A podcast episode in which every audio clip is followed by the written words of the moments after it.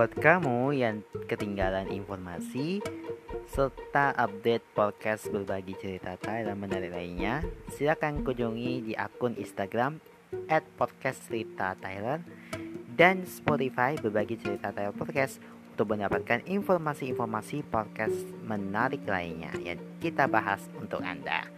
Jangan lupa juga untuk selalu follow akun Instagram at mata underscore underscore dan Twitter at Demata Saputra untuk mendapatkan informasi mengenai program-program unggulan lainnya. Selamat mendengarkan.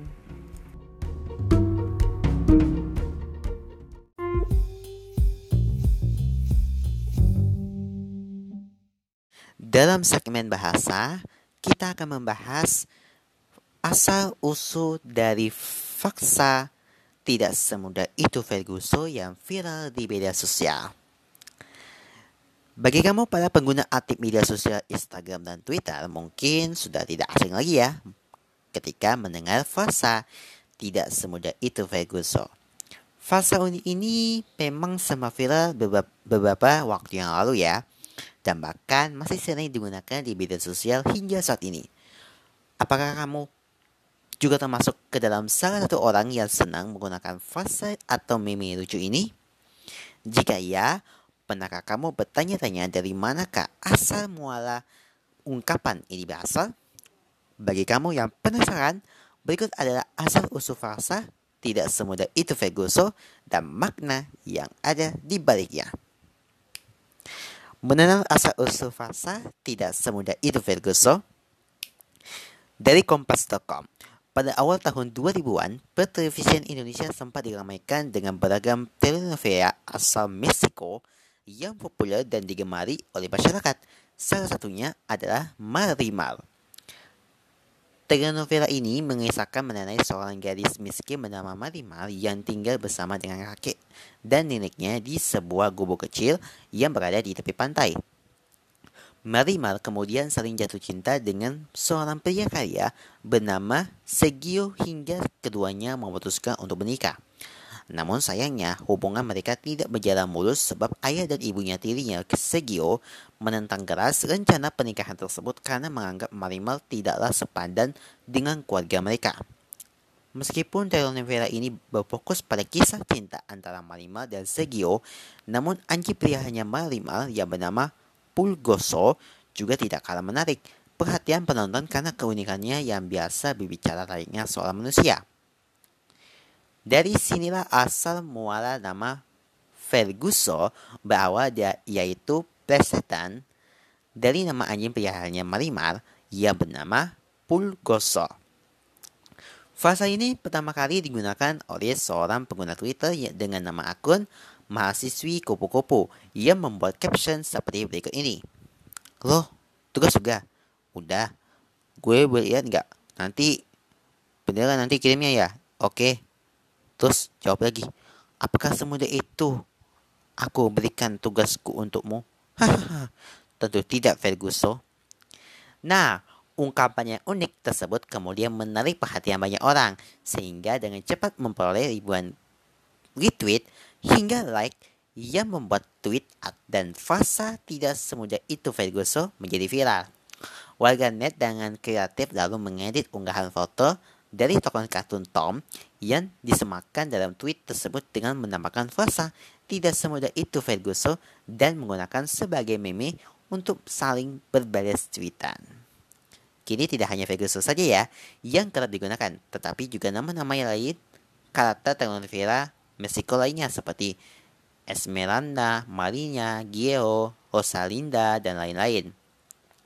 Terus makna dari frasa tidak semudah itu Ferguson ini apa? Nah, setelah mengetahui asal muasal frasa unik yang populer ini, apakah kamu juga telah memahami maksud dari penggunaan kalimatnya? Nah, jika belum, frasa tidak semudah itu Ferguson merupakan sebuah ungkapan yang digunakan untuk menyinggung atau menolak niatan orang lain yang ditujukan kepada kita. Sebagai contoh ya, tweet di atas yang merupakan Frasa ini sebagai bentuk penolakan untuk membicarakan tugas kepada temannya yang ingin menolak. Nah, Selain sebagai bentuk penolakan, frasa ini juga telah berkembang menjadi sebuah sindiran bahwa sesuatu yang sering kali tidak berjalan semudah yang diharapkan oleh seseorang.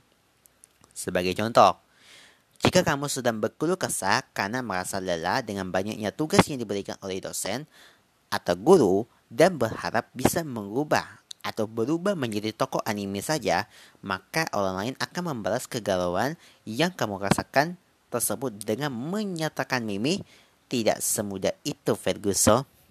Nah, itulah beberapa fakta unik terkait asal muasal asal mulanya tidak semudah itu Ferguson dan bagaimana kamu bisa menggunakan frasa tersebut dalam sebuah ungkapan.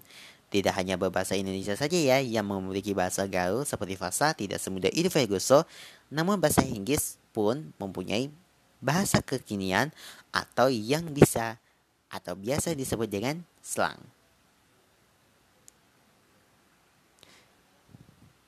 Nah, dari Kamus Pintar Supergalu for Daily Conversion English Indonesia yang ditulis oleh Yusuf Pria Sudianja bisa menjadi panduan bagi kamu untuk mengenai istilah-istilah kekinian yang dalam bahasa Inggris yang akan membuat kamu jadi lebih up to date. Nah, kamu selebar 408 halaman ini dengan melengkap memuat beragam ekspresi asik khas bahasa gaul dalam bahasa Inggris yang banyak digunakan oleh generasi milenial saat ini. Ketika bermain media sosial kamu mungkin sering menjumpai singkatan-singkatan gaul seperti LOL, OODD, KMIIU, ASAP, dan lain-lain. Namun di dalam buku ini, penulis pun tidak lupa loh untuk membagikan daftar singkatan ekspresi gaul seperti contoh-contoh di atas yang akan membantu kamu dalam memahami dan menambah pemberhalan kata sehingga kamu bisa lebih luas untuk mengobrol dalam bahasa Inggris di media sosial. Nah, selain itu, buku ini juga dilengkapi dengan contoh-contoh kalimat pekecak kalimat percakapan mengenai idiom, selang, serta peribahasa gaul dalam bahasa Inggris yang akan semakin memudahkan kamu dalam memahaminya. Kamu juga bisa kok mendapatkan kamus pintar super gaul for daily conversion Inggris Indonesia dengan mudah di gramedia.com.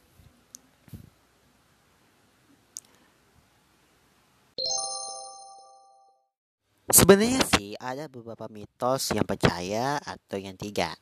Namun kita harus mendapatkan pendapatnya masing-masing yang karena mitos di Korea ini banyak sekali. Kami akan merangkum dari kita cari aja di piva.co.id. Captionnya adalah 10 mitos kuno dan super aneh yang dipercaya orang Korea. Jadi, manusia adalah makhluk pintar. Dalam kebanyakan waktu, kita percaya pada hal-hal berbau ilmiah. Kita berpikir dengan logika dan berperilaku menggunakan intelektualitas, namun terkadang manusia adalah mudah dibodohi. Ya, kami akan dilansir ya dari laman Koreabo. Ini adalah 10 mitos kuno paling populer dan super aneh di Korea Selatan. Yang pertama, nomor terlarang. Kalau orang Korea di sejumlah gedung, gedung tua Korea, kamu tidak akan menemukan lantai 4. Gedung-gedung itu sebenarnya punya lantai 4. Tapi di liftnya akan ditandai sebagai lantai 5. Ini karena pada mitos Korea ini angka 4 berkaitan dengan kematian. Sehingga lantai 4 itu lantai 4 dianggap membawa sial untuk gedung tersebut. Kalau menurut aku sih ya angka 4 ini nggak berkaitan aja ya dengan kematiannya. Mungkin ada percaya atau yang enggak ya, tapi coba kalian pendapat masing-masing lah ya. Yang kedua, yang kedua ya, yang kedua, tinta merah. Kalau kamu memberikan pulpen merah ke orang Korea dan menerima meminta tanda tangan, kemungkinan besar permintaanmu akan ditolak. Ini merupakan mitos kuno Korea lainnya nih, di mana menulis atau menantan mentandatangani sesuatu dengan nama seseorang menggunakan tinta merah dipercaya akan membawa sial. Itu karena warna merah dianggap berkaitan dengan kematian. Jadi pakai pulpen warna bertinta hitam atau biru ya. Minum soju. Minum soju. Oke. Okay. Kalau mitos yang satu ini mungkin yang paling baru dan modern dibandingkan yang lainnya ya. Orang Korea itu dilarang menuang sendiri minuman beralkohol seperti soju saat Anda orang lain yang duduk satu meja dengan mereka. Mereka percaya nih kalau orang yang menuang minumnya sendiri atau orang yang duduk di seberangnya itu tidak akan bertemu jodoh. Sebenarnya sih ya. Hadiah sepatu.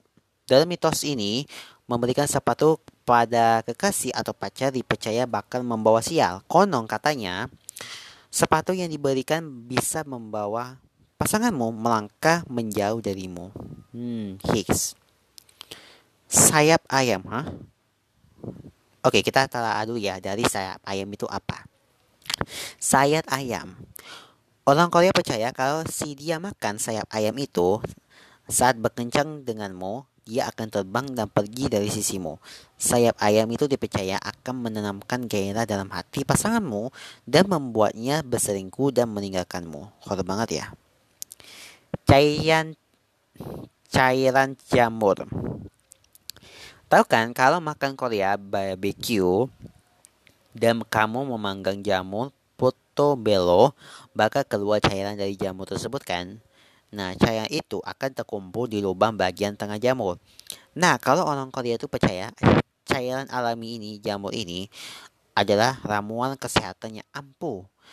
Minum cairan itu diyakini bakal membuat apa yang namanya stamina selalu prima. Kemudian kematian karena kipas angin. Aku nggak tahu ya ini mitos atau enggak ya. Tapi kita baca dulu ya dari fifa.co.id. Katanya, yang ini klasik banget nih. Legenda yang paling misterius adalah mitos tentang kematian akibat kipas angin di rumah. Jadi banyak orang Korea itu percaya bahwa tidur dengan kipas angin yang sedang menyala akan membuatmu meninggal dengan cara mengenaskan.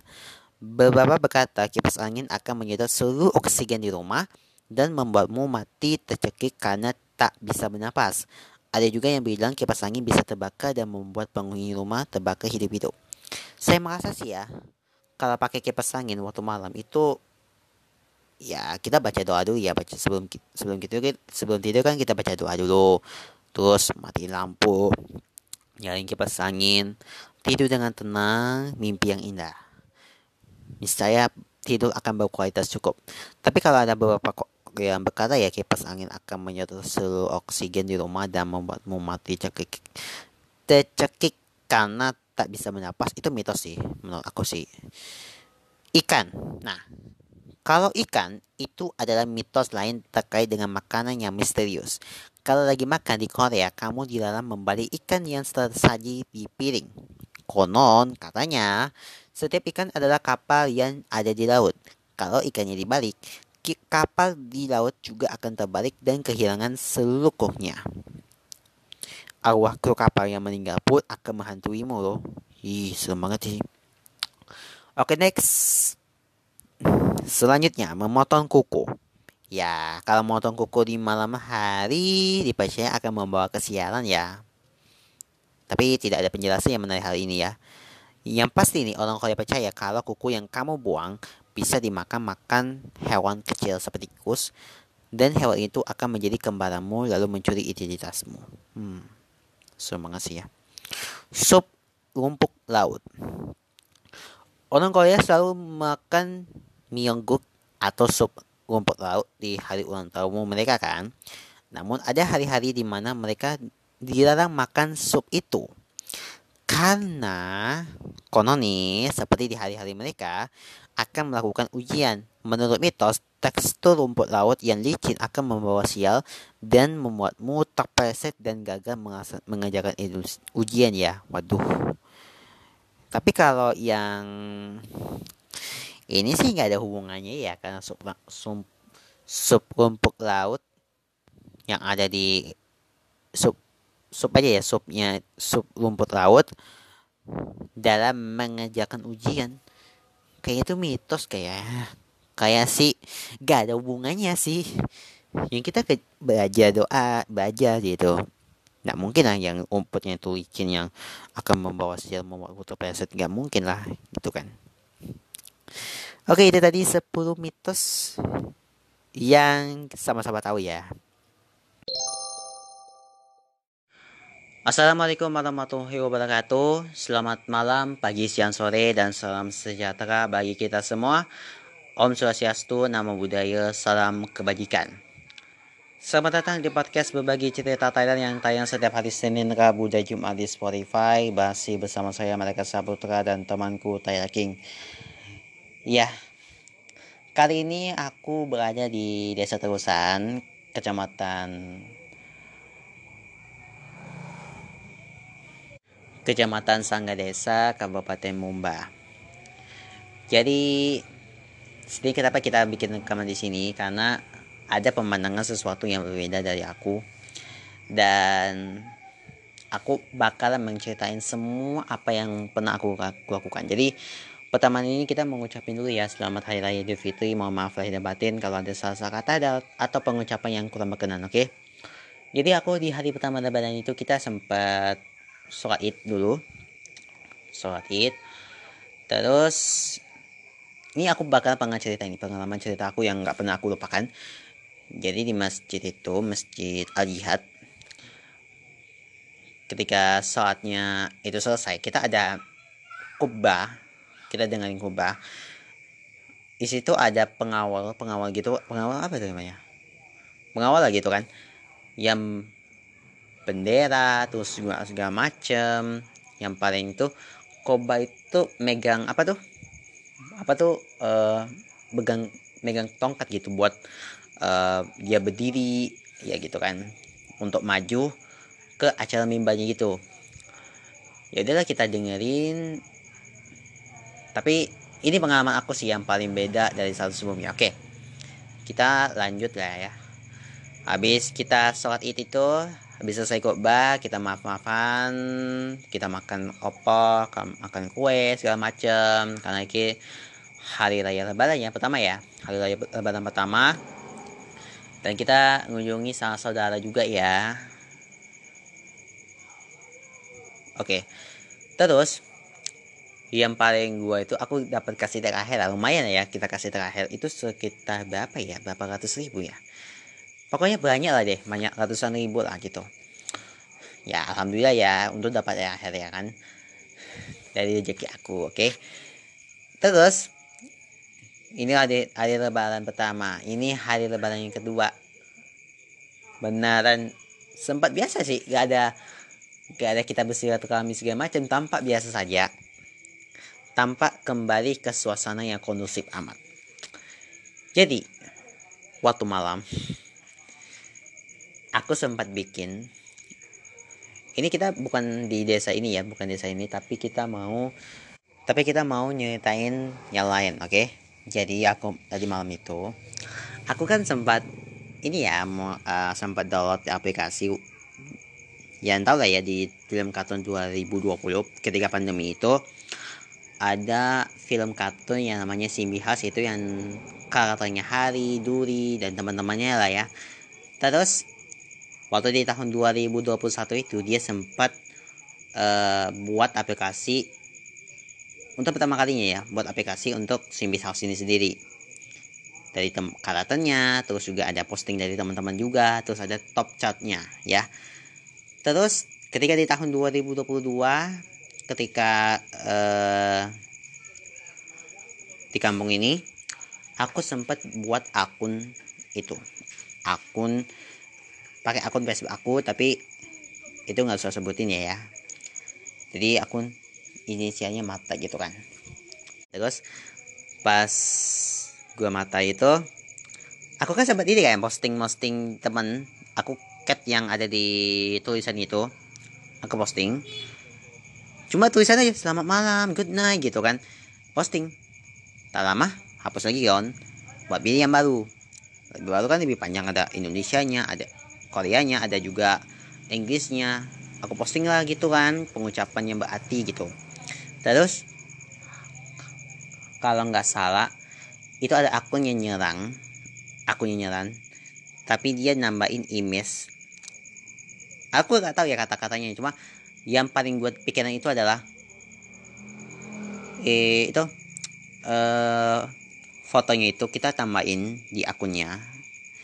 Kalau nggak iya ada pelanggaran pelanggaran.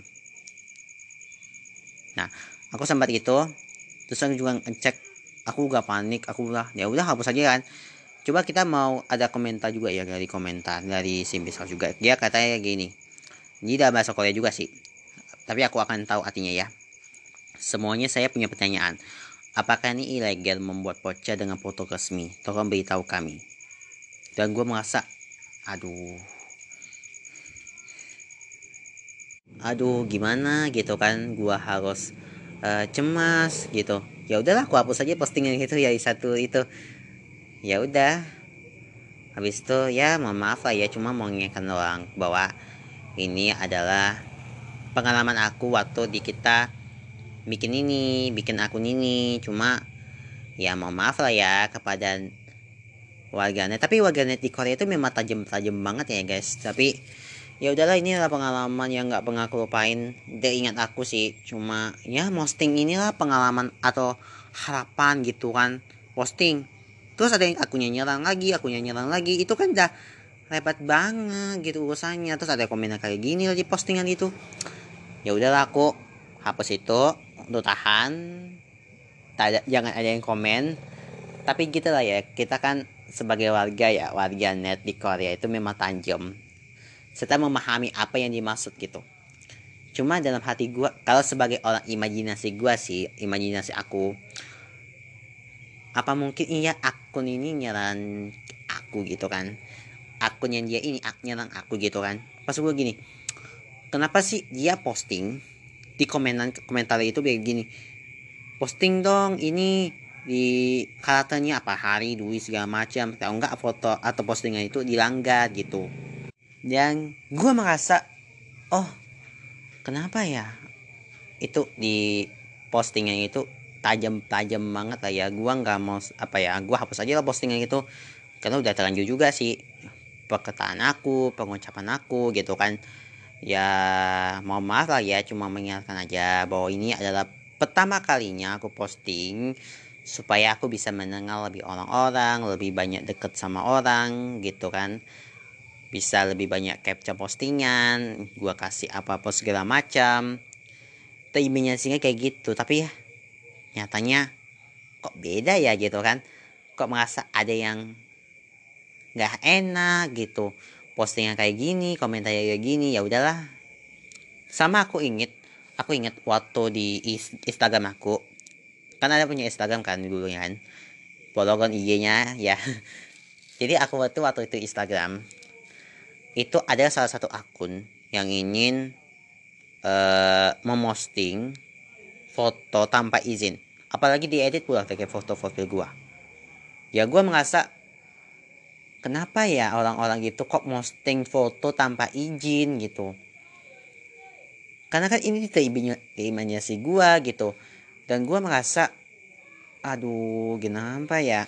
Ini postingan akun gua itu di apa di di oke okay lah satu dan dua postingan aku paham gitu. Tapi kan postingan ketiga keempat kelima keenam sampai seterusnya gue nggak enak lagi. Akhirnya gue blokir aku gitu kan. Ya udahlah aku ye aku bebas. Gak usah mau lagi gitu. Ngapain gue mau post gitu kan segala macam. Itu sih pengalaman aku yang yang aku tahu sih. Cuma ya apa pun keinginannya apa pun tercapainya pasti akan tertuju lah. Jangan engkau sebarin postingan-postingan yang gak memu apa gak memutu yang gak memanfaat gitu. Tapi kan pilihlah posting itu. Maksud gue gini pilihlah postingan itu yang inspirasi gitu. Carilah ide-ide menemukan sesuatu yang baru atau segala macam jangan ini pengharapan aku ya guys untuk posting pertama kali gitu. Jangan ada yang nyerang aku jangan kau sakiti aku jangan kau ancam aku gitu. Aku gak gak enak kebagai itu gitu dan itu sih yang aku bisa harapkan sih. Cuma aku hapus aja lah postingan itu dari akun eh postingan itu yang postingan captionnya gitu. Aku hapus aja lah. Upaya yang tak tersinggung atau segala macam kan gitu. Ya udahlah itulah sih pengalaman aku waktu kita bersosial media ya.